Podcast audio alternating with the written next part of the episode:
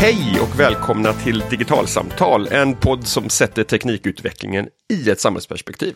Eh, idag hälsar jag Maria Stellinger Enblad och Måns Adler tillbaka som gäster eh, i Digitalsamtal. Maria, du är digitaliseringschef i Malmö stad och Måns, du leder något som heter Malmö Civic Lab. Välkomna tillbaka till podden. Tack så mycket.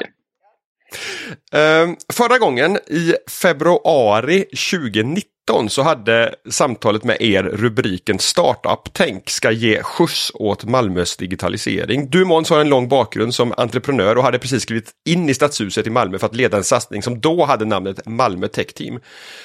Om vi börjar Maria, kan du påminna lyssnarna om vad var syftet med det här som ni drog igång i, eh, kring årsskiftet 2018-2019? Men vi kände att vi behövde ge en, en skjuts till digitaliseringen i staden, till den utveckling, den verksamhetsutveckling som behöver ske.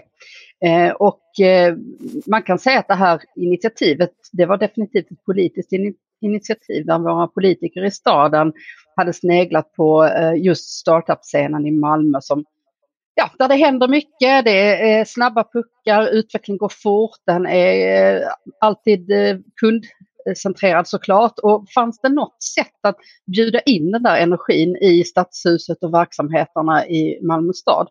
Och då landade det i någonting som vi först kallade Malmö Tech Teams, men som ganska snabbt bytte namn till Malmö Civic Lab. Eh, och Måns eh, rekryterades för att leda det här eh, lilla skådteamet i staden. Så det är bakgrunden i korthet. Så, så, det handlar om att, att, ta sig an de utmaningarna som finns i Malmö stad, som, som, där det går att se att det finns digitaliseringslösningar, men att göra det på ett lite annat sätt än vad ni gjorde absolut. traditionellt. Så kan man absolut säga.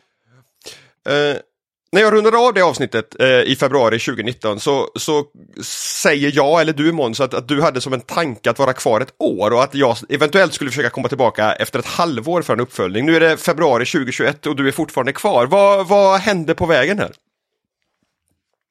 Ja, det, det, har jag väl hängt massa olika grejer liksom. Så att det, vilket är jättekul och jättespännande. Men jag tror liksom i, i förhållande till det så var det, det var lagom när jag signade med ett år åt gången till att börja med. Men sen när man väl förstod det fina i det, det offentliga arbetet så, så finns det ju liksom en jättemotivation att stanna kvar mycket längre och arbetet tar oerhört mycket mer tid än vad jag någonsin kunde tänka mig. Så det, det är väl liksom det man hedrar på något sätt, att det är ett fint arbete men som tar längre tid än vad jag ja. trodde jag kunde föreställa mig. Liksom. Kon konkret under de här två åren, det är du och, och två medarbetare om jag förstått det rätt på, mm, på den här avdelningen.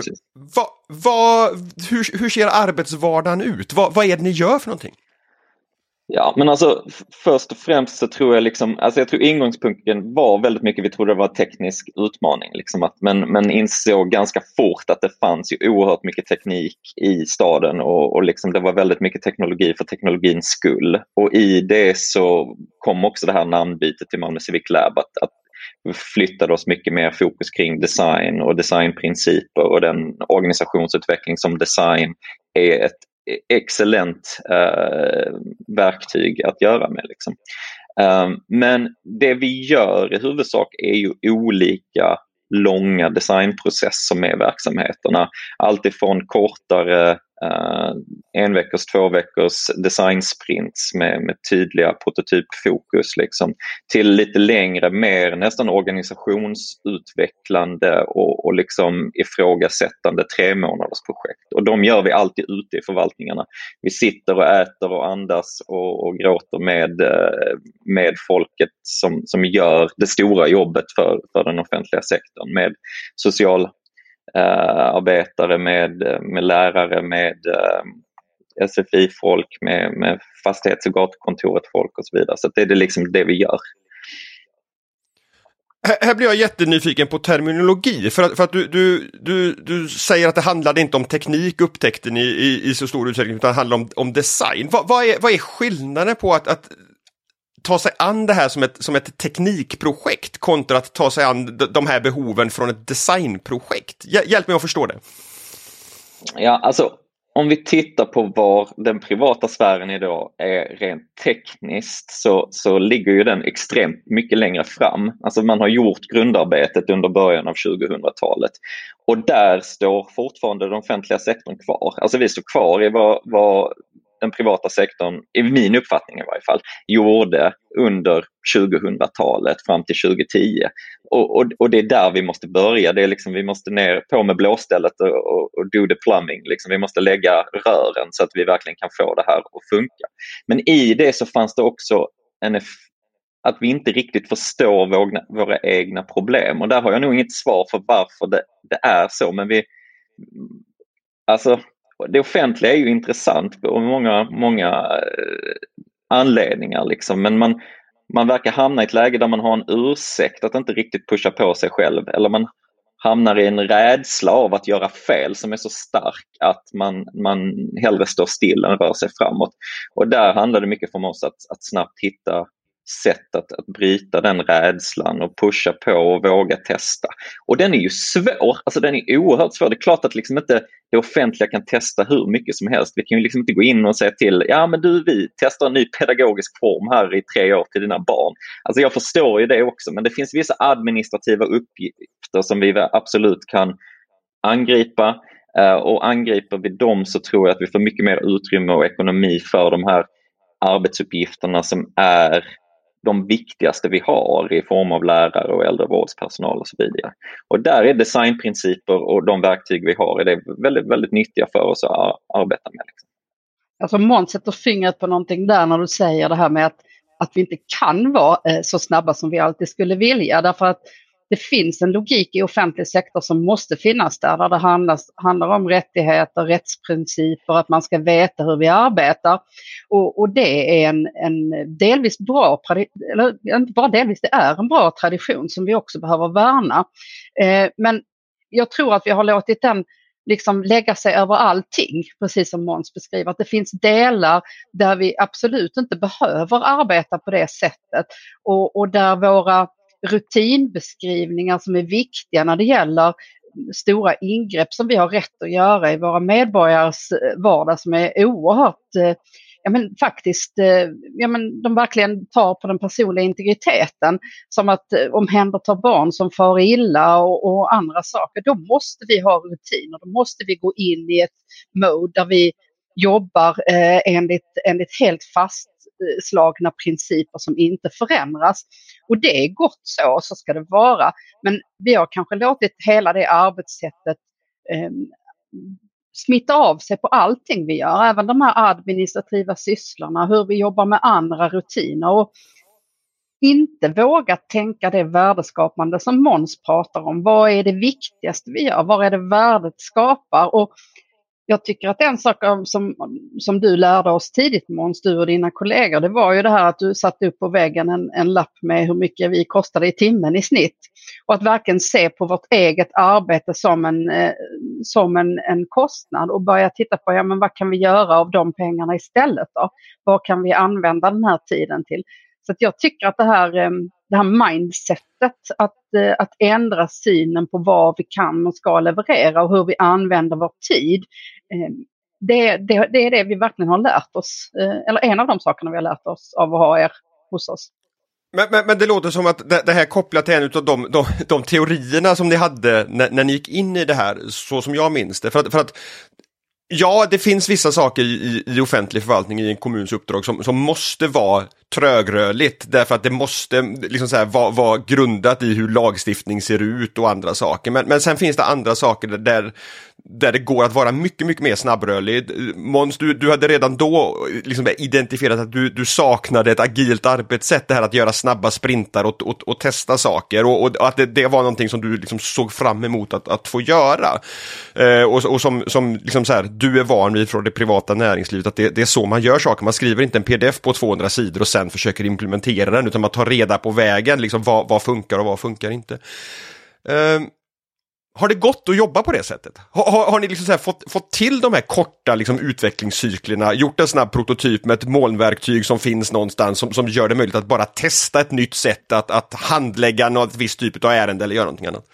Absolut, eh, det har vi ju. Och, det, och liksom rent konkret, det finns ju många exempel, men, men bara för att göra det liksom ännu mer ofokuserat på teknologin. Vi fick i uppgift av arbets och socialförvaltningen här i Malmö eh, att titta på hemlösa och framförallt ville, ville man att vi skulle bygga en algoritm för att matcha de boende vi har automatiskt med de hemlösa. Och det var ett sånt tre månaders projekt. Vi gick in och sa ja absolut vi kan säkert bygga det. Um, lite som ett Airbnb för hemlösa att vi automatiserar det. Liksom. Men vi var också ganska luttrade och sa men vi vill först bara titta på processen. Hur ser det ut? Hur tar vi emot en hemlös från den räcker upp handen och säger att nu är det svårt tills det att de faktiskt står på egna ben och klarar sig. Och i det så fann vi då att det här tilldelningsmötet vi har på onsdagar, det är tre timmar gånger fem personer. Och då kan man ganska snabbt räkna ut att om vi ska bygga en algoritm, underhålla den och, och göra det bra, så kan de eh, fortsätta göra det i 25-30 år innan vi har någon return of investment på den algoritmen. Eh, däremot fann vi ganska snabbt att det tar i genomsnitt 68 dagar innan den här hemlöse faktiskt flyttar in i det boendet som vi tilldelar dem. Och de första 16 dagarna i genomsnitt eh, så är processen så att vi skickar ett papper till fastighetsägaren och frågar helt enkelt, är det okej? Okay? Vi skriver inget kontrakt utan vi bara frågar, är det okej okay att den här individen bor i er fastighet? Och eh, de 16 dagarna, det är 16 dagar då vi betalar akutboende, ah, i genomsnitt 1100 kronor natten. Och I det läget så tittade vi bara vem levererar flest lägenheter? Ja, det var ju MKB såklart, det Malmö kommunala bolag, eh, bostadsbolaget vi har och de levererade 62 procent av lägenheterna. Och då gjorde vi så att vi försökte få kontakt med MKB och fann att det var en kvinna som satt och hanterade de här ärendena för dem. Eh, vi frågade henne, är det okej okay att du har ett fast bokat möte med oss varje torsdag? Eftersom vi hade det här matchningsmötet på måndag, så visste vi, eller på onsdagen, så visste vi om att onsdag eftermiddag så har vi ett, ett lass med boende redo. Eh, och hon, det tog hon ungefär fem minuter per eh, hemlös, så vi hade aldrig skickat mer än 12 eh, per vecka så att säga. Så vi visste att ungefär en timme är vad vi behöver i din tid. Och det var inga problem. Vi fixade det och så det vi fick göra då eftersom vi inte har eh, möjlighet att skicka sekretessinformation eh, digitalt var att vi bara cyklade runt mellan de olika socialtjänstkontoren på torsdag morgon, kom till MKBs huvudkontor och levererade de här dokumenten. Hon gick igenom dem snabbt och gav oss svar torsdag lunch och torsdag eftermiddag. Och eh, det förkortar ju den processen med, med i MKB-fallet, de var lite snabbare än de andra, så de hade genomsnitt på 12 dagar. Men det är 12 dagar på årsbasis då eftersom vi har 450 hemlösa at any given moment. Så landar vi liksom i en besparing på 5 miljoner för den här dryga timmen cykelkörning vi hade. Och i det så lärde vi oss också att, att ett socialtjänstkontor i Malmö ligger på Möllevångstorget och det är bara 400 meter ifrån eh, huvudkontoret för MKB. Så då, då började vi mejla internt till det socialtjänstkontoret och där är en person som skriver ut och som knallar över och levererar det. Så det är ju mer den här typen av okej, okay, vad, vad, är den lättaste vägen framåt? Och där är sällan mjukvara rätta vägen. I vissa fall absolut, men i många fall är mjukvara extremt dyrt och det måste vi också ta hänsyn till. Utan det är ju den här processoptimeringen som designprinciperna eh, strävar efter och, och, titta på. Som är då understött med, med data och förståelse för vad är kostnaderna för vad. Liksom. Det, det, här tycker jag är superspännande, för, för det, det, här är en typ av berättelse som jag hör om och om igen när jag gör intervjuer om digitalisering. Att det som händer är, för att, för att kunna digitalisera en process så måste du förstå processen, vad är det egentligen som sker? Och det innebär att man måste sätta sig ner och dokumentera någonting som medarbetare, oavsett i privat näringsliv eller offentlig förvaltning, man har jobbat på det här sättet i 20 års tid, men man har liksom aldrig någonsin under den här perioden tidigare hamnat i den här situationen att man liksom så här ifrågasätter och genomlyser hur gör vi egentligen det här? Och att det många gånger är liksom det som sker när man börjar digitalisera. Att, ah, okej, man, man, det slutar inte med att man har digitaliserat det arbetssättet som man har gjort på tidigare, utan man, man skapar ett nytt sätt. Ibland kan det vara som i det här fallet, att, att man jobbar vidare på ett analogt sätt. Men många gånger så, så landar, landar det ändå i en, i en digital lösning fast inte med den tidigare processen. Är, är, det, liksom så här, är det här någonting som ni ser om och om igen i, i liksom Malmös förvaltning? Att, att det är det här som händer? Eller, eller var det här liksom ett, ett sär fall? Att, att, att det var liksom den underliggande processen som behövde liksom en, en rejäl revidering? Nej, alltså vi, ja, detta ser vi överallt vi stiger in. Den enda skillnaden vi har haft i vissa av casen vi har gjort är att där har vi inte haft en extern kostnad, alltså kostnaden av eh, de här eh, akutboendenätterna då på 1100 kronor per, per natt. Utan där har det varit rena eh, FTEs som jag, jag som kommer från, från liksom agencyvärlden, där full time employees. Alltså vi har bara räknat egen tid liksom, mm. eh, som vi har besparat och då slagit ut den på någon medellön och så vidare. Så där har väl besparingarna mer bara varit våra egna kostnader där vi teoretiskt då kan flytta Kanske, det handlar inte om att göra sig av med utan det handlar om att flytta de här resurserna till där de behövs mest. Uh, och um, och, och det, det, är väl liksom den typen av volym vi har sett oftast. Eh, men som sagt när vi jobbar med de här externa, det, det, är svårare i vissa fall att beräkna också, så vad gör det för medborgaren då? Alltså jag längtar liksom efter offentliga Sverige. Vad är en medborgarminut värd? Alltså om någon kunde leverera den, om vi sparar så här många medborgarminuter, vad har vi, vad har vi liksom gett samhället då på något sätt? Det hade varit intressant att börja, om någon, om någon ekonom där ute lyssnar på detta och vill, vill göra den uträkningen så tar jag emot den siffran med glädje. Det, vi har inte räknat på det, men å andra sidan så ser vi att i, i flera av de tjänsterna som ni har varit inblandade i, men som också medarbetare själva har tagit initiativ till, vilket händer mer och mer, så ser man ju ändå att det, att det där som du beskriver händer, att man får en, en tjänst eh, Eh, genom att man faktiskt i vissa sammanhang till och med har bjudit in eh, brukare, medborgare till att vara med och medskapa tjänsten för att se hur den skulle kunna se ut eh, för att faktiskt möta det som, som medborgaren behöver och för att medborgaren ska kunna förstå vad det, är, vad det är det handlar om, vad som förväntas av en. Så, att, eh, så det där händer ju, men jag delar din uppfattning att vi har inte, vi har inte räknat på det, vi tar inte med det på det sättet kanske heller i en, eh, i en eh, kalkyl. Uh när vi hade ett försnack inför den här inspelningen för någon vecka sedan så, så beskrev du Måns hur ni, hur ni jobbar liksom på, på, tre olika nivåer. Du har nämnt två av de här större projekten på upp mot ja, två, tre månader och så lite mindre på, på två, tre veckor och sen slutligen så har ni något som, som ni kallar för för öppet hus där, där mm, ni kan hjälpa till på någon, på någon timme. Jag är nyfiken på de här mell mellanstegen, alltså att man hinner en del på, på två, tre månader, det förstår jag. Och, och vad, man, vad man får gjort på, på liksom via ett sånt här öppet hus kan man också kanske få en bild utav. Men, men på två, tre veckor, vad, vad, vad är nyttan med att ha liksom någonting som löper på, på den tidshorisonten? Alltså om vi tittar just på två, tre veckor så är det, det vi, det vi har gjort där är att vi har sagt att vi kan gå in och hjälpa er med ett konkret problem som då måste vara definierat och hemskt gärna att ni har beräknat också någonstans vad ni tror er kunna, så att vi kan prioritera. Det är väl liksom den stora utmaningen liksom i det. Men, men där, där ifrågasätter vi inte processen utan där det vill säga att vi, vi kommer inte gå in och försöka få något nytt beslut på någon ny rutin i hur den här processen funkar utan vi går bara in och försöker optimera arbetsflödet som det redan är. Om det är att automatisera en liten process, om det är att fixa ett nytt litet mjukvara som gör att eh, vi gjorde till exempel med socialtjänsten igen, där gjorde vi för, för um, bokning av, av tider med, med sina klienter helt enkelt. Uh, och optimerade den processen med en dryg minut så vi sparade liksom en och en halv, två heltidsanställda eh, om man slår ut det på alla anställda. Då, liksom. Så det är bara små optimeringsprocesser liksom, som vi då gör på de här tiderna. Va? Upp. Men, men också hjälper eh, förvaltningar och organisationer. Alltså vi, kan, vi kan ju få förfrågningar, liksom, ja, men, Eh, vi, behöver, vi behöver bara ett närvarosystem och då då har man liksom inte definierat rent juridiskt, ja men vad är närvaro och frånvaro då? Och det måste man göra innan man kan bygga ett system. Alltså det är därför vi oftast hamnar i så väldigt dyra utvecklingsprocesser.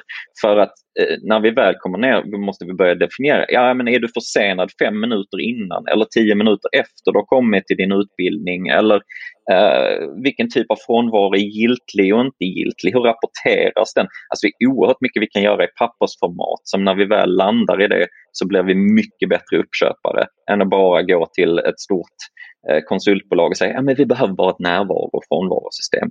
Ja, Alltså ska man prata med en dator så är det, datorn är ju väldigt dum så man måste vara väldigt tydlig liksom, i, i vad, man, vad man menar. Medan en lärare, ja, han för, han för lite automatiskt frånvaro närvaro. Och den är ju inte alltid så, så objektiv. Så det, det bygger också in automatiskt att vi behandlar våra medborgare väldigt olika.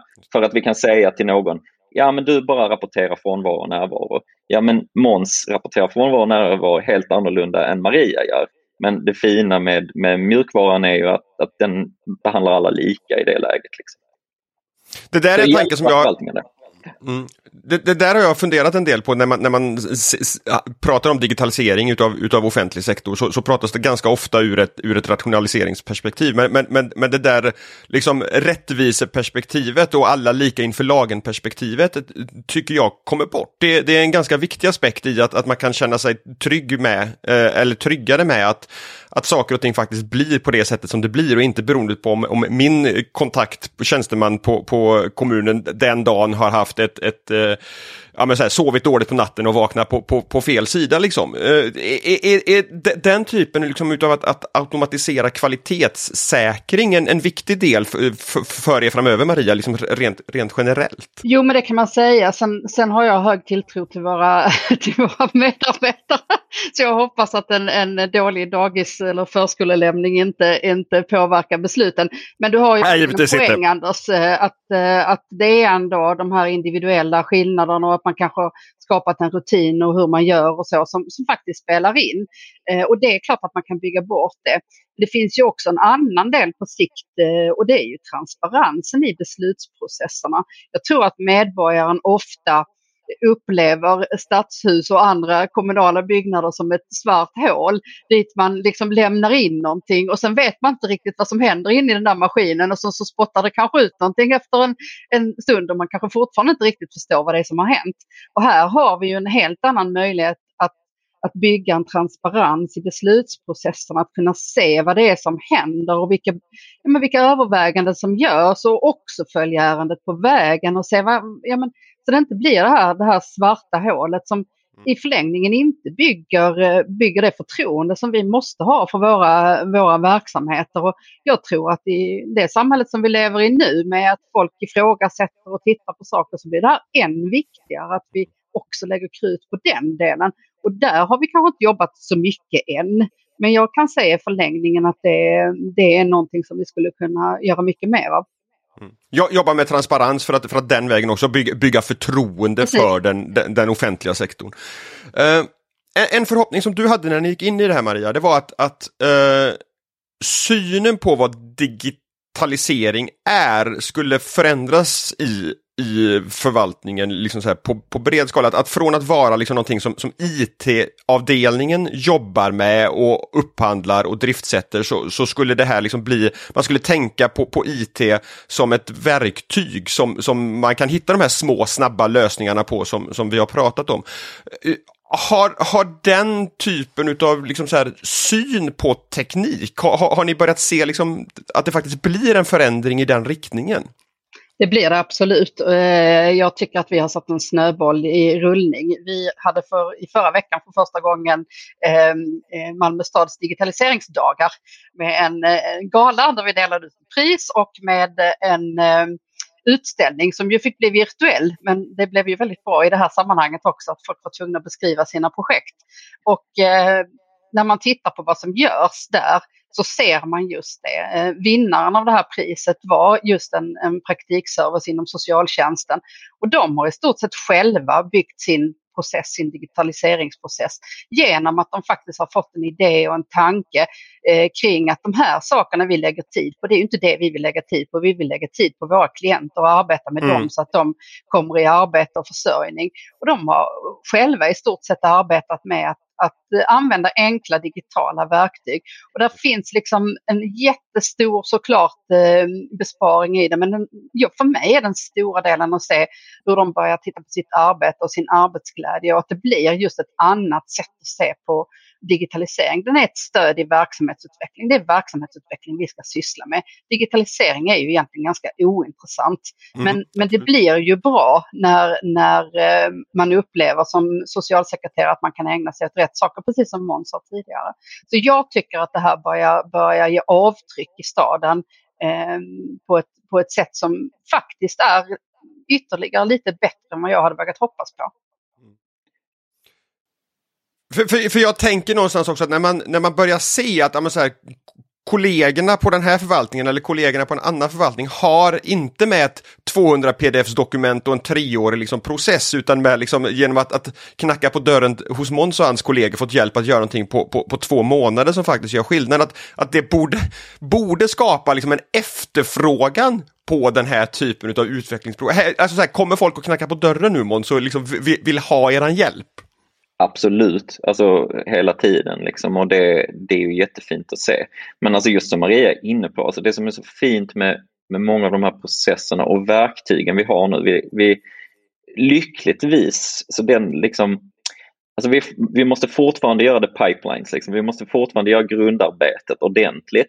Men det vi också har 2020 som vi kanske inte hade 2010 är ju alla de här no-code toolsen som det heter så fint. Liksom. Alltså att vi kan, vi kan liksom lägga de pussel vi behöver mellan ett formulär och ett Excel-ark. Eller liksom, man kan automatisera massa av de här små sakerna idag och det ger ju de här verksamheterna någonting som, som de eh, kompetensmässigt inte kunde göra innan och fortfarande kanske egentligen inte kan om vi hade bett dem att, att göra det ordentligt så att säga, eller med, utan de här verktygen som no-code erbjuder. Och jag tror framförallt när det gäller att testa sina egna processer, alltså att det här att vi inte behöver investera upp så enormt mycket för att testa en ny grej utan vi kan testa det i de här no-codes-toolen och så kan vi se att ja, men det här ger ju resultat och nej det här gav inte så mycket resultat.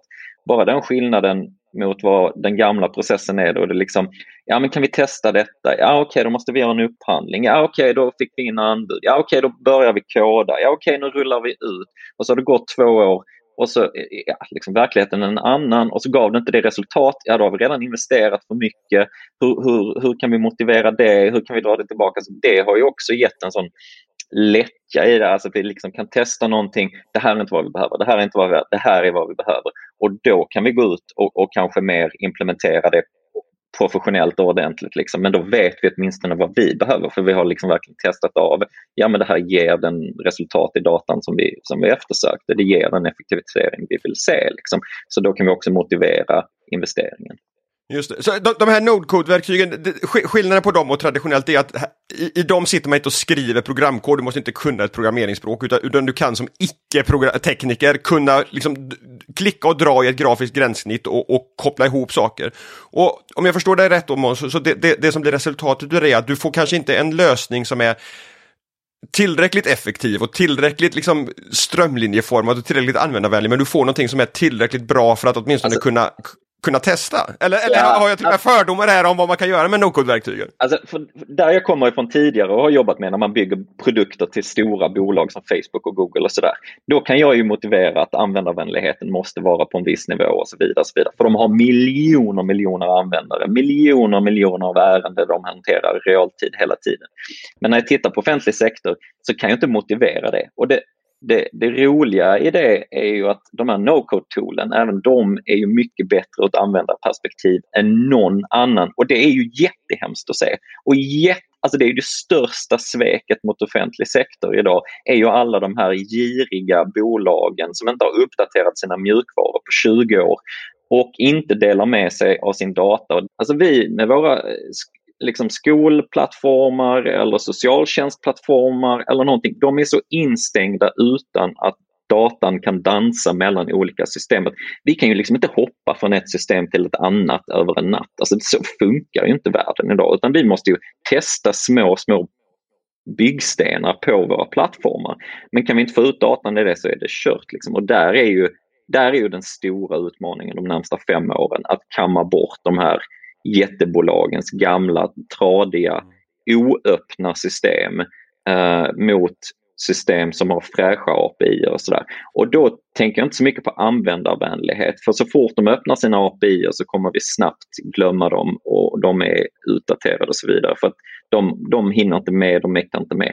Och det är väl den andra sidan av det här som, som jag känner är en utmaning. Att det, det är möjligt så att, att offentlighets-Sverige är för litet för ett bra startup med ett bra designtech och bra användarvänlighet att, att användningen och, och, och casen är för få.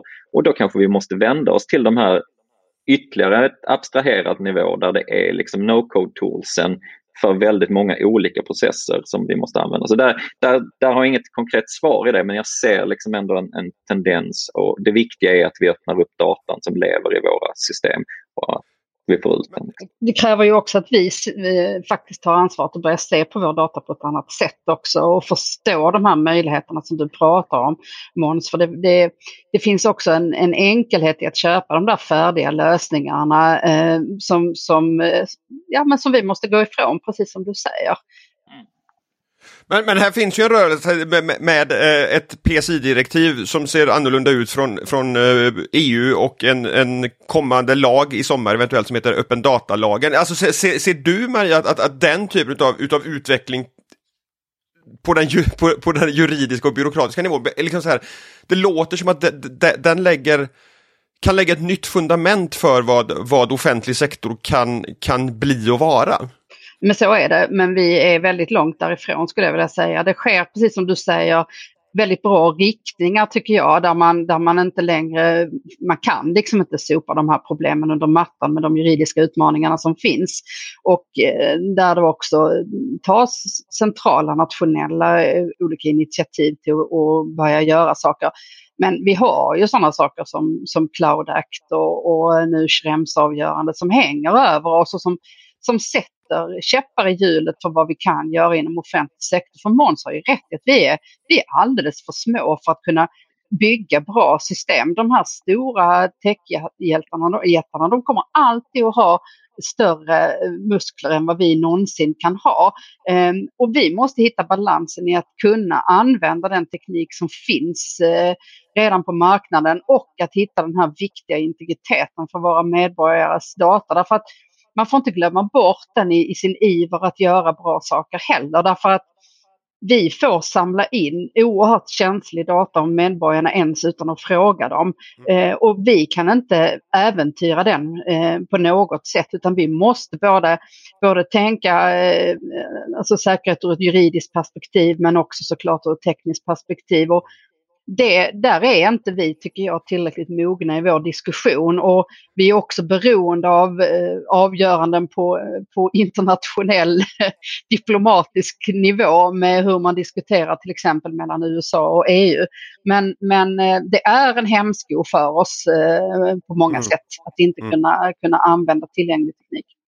Mm. Uh, med två års erfarenhet av att, att jobba på det här sättet så är jag nyfiken på, på tänkbara råd från er respektive och liksom era, era ingångar i det här. Om vi börjar med dig Maria, liksom, om, om man sitter som digitaliseringschef i en annan svensk kommun och, och, och lyssnar på det här och inte har kommit lika långt som er. Vad, vad, vad, vad, vad har du för råd och, och tankar att, att ge för att man ska kunna komma igång?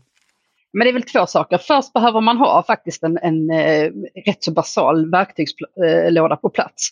Man behöver ha en eh, e-tjänsteplattform, andra enkla digitala verktyg som gör att man kan bygga tjänster mot medborgarna och någon form av automatisering som man kan jobba med för att eh, göra sina processer effektivare. Men det är ganska små och enkla saker.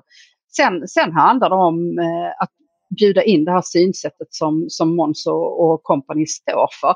Det vill säga att man går ifrån de här den här utredningstraditionen vi har som är jättebra när man ska utreda eh, vissa saker som vi gör i våra verksamheter men som inte alls passar för den här typen av utveckling utan att bjuda in synsättet, prototypa, testa, se vad är det vi egentligen behöver och också göra det med verksamhetsmänniskor. Allt för ofta har vi kanske anställt eh, IT-tekniker som har suttit och, och, eh, gjort saker på sitt sätt ur ett teknikperspektiv. Men det här handlar inte om teknikperspektivet utan det handlar ju om de här socialsekreterarna, deras arbetsmiljö, deras arbetssätt och hur de arbetar.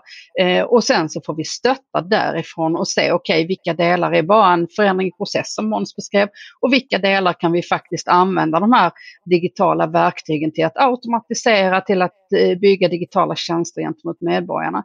Så in med ett annat synsätt, skapa en, en, en trygg och basal verktygslåda och sen in med ett annat synsätt och bygga på lusten eh, till arbetet som faktiskt de här personerna som jobbar i offentlig sektor har. Man har blivit lärare eller socialsekreterare eller stadsplanerare för att man brinner för de frågorna och det är ju det vi ska ge utrymme för våra medarbetare att göra. Och för dem vara med och tala om vilka moment inom deras arbete skulle kunna bli annorlunda eller bättre utan att själva ha en lösning men att kunna börja prata om det. Då, då kommer det hända saker. Mm. Och Måns omvänt då, om man, om man blir ombedd och nappar på ett erbjudande och möjlighet att, att få komma in och vara den som bidrar med det här nya, nya tankesättet. Vad, vad, vad har du för råd till en, till en sån person? Men jag, jag är imponerad för jag, jag tycker att det är så oerhört, det som är, det som är fint det är ju liksom det vi jobbar med, alltså problemställningarna och utmaningar man står inför. Man får jobba med problem som, som det privata inte alltid försöker lösa. Liksom. Och det är ju väldigt fint. Sen kommer man, måste man ju ha ett enormt tålamod i den processen mot sig själv och framförallt, jag tror inte gå in ensam utan du behöver vara några stycken för att klara av eh, initialt. Alltså det är så annorlunda än vad jag är van med vid liksom rent kulturmässigt och annat och det, det måste man vara förberedd på. Och i det så, så finns det ju liksom, det finns ju en oändligt stor utkomst på andra sidan. Sen kommer det ta väldigt, väldigt lång tid men den är väldigt fin och väldigt bra och, och även i det lilla så ser vi liksom konkreta förbättringar väldigt fort. Liksom. Men, men ehm, ja, man får ta det, ta sig an den utmaningen. Liksom. Att, att det tar längre tid uh, samtidigt som det, det, är en sektor som, alltså det står ju liksom till min generations ansvar, bara se till att vi tar tillbaka det här och gör gör denna till lika fin som åtminstone historierna om den, den gamla välfärdsstaten var i varje fall. Så det, det är ju liksom målsättningen i det. Uh, och, och, det är ju ingen annan som kommer att göra det åt en, utan det måste man göra själv. Liksom. Så det... Mm. Mm. Tack för det. Måns och Maria, tack för att ni tog er tid att, att uh, följa upp uh, samtalet vi hade för två år sedan med att, att berätta hur det blev så här långt och inte bara förhoppningarna och tankarna om hur det skulle bli. Vi får se om vi hörs igen om, om två år och följer upp uh, liksom, hur saker och ting ser ut i Malmö stad då. Stort tack så länge! Tack själv! Och till er som har lyssnat, vi hörs igen om två veckor på återhörande då. Hej!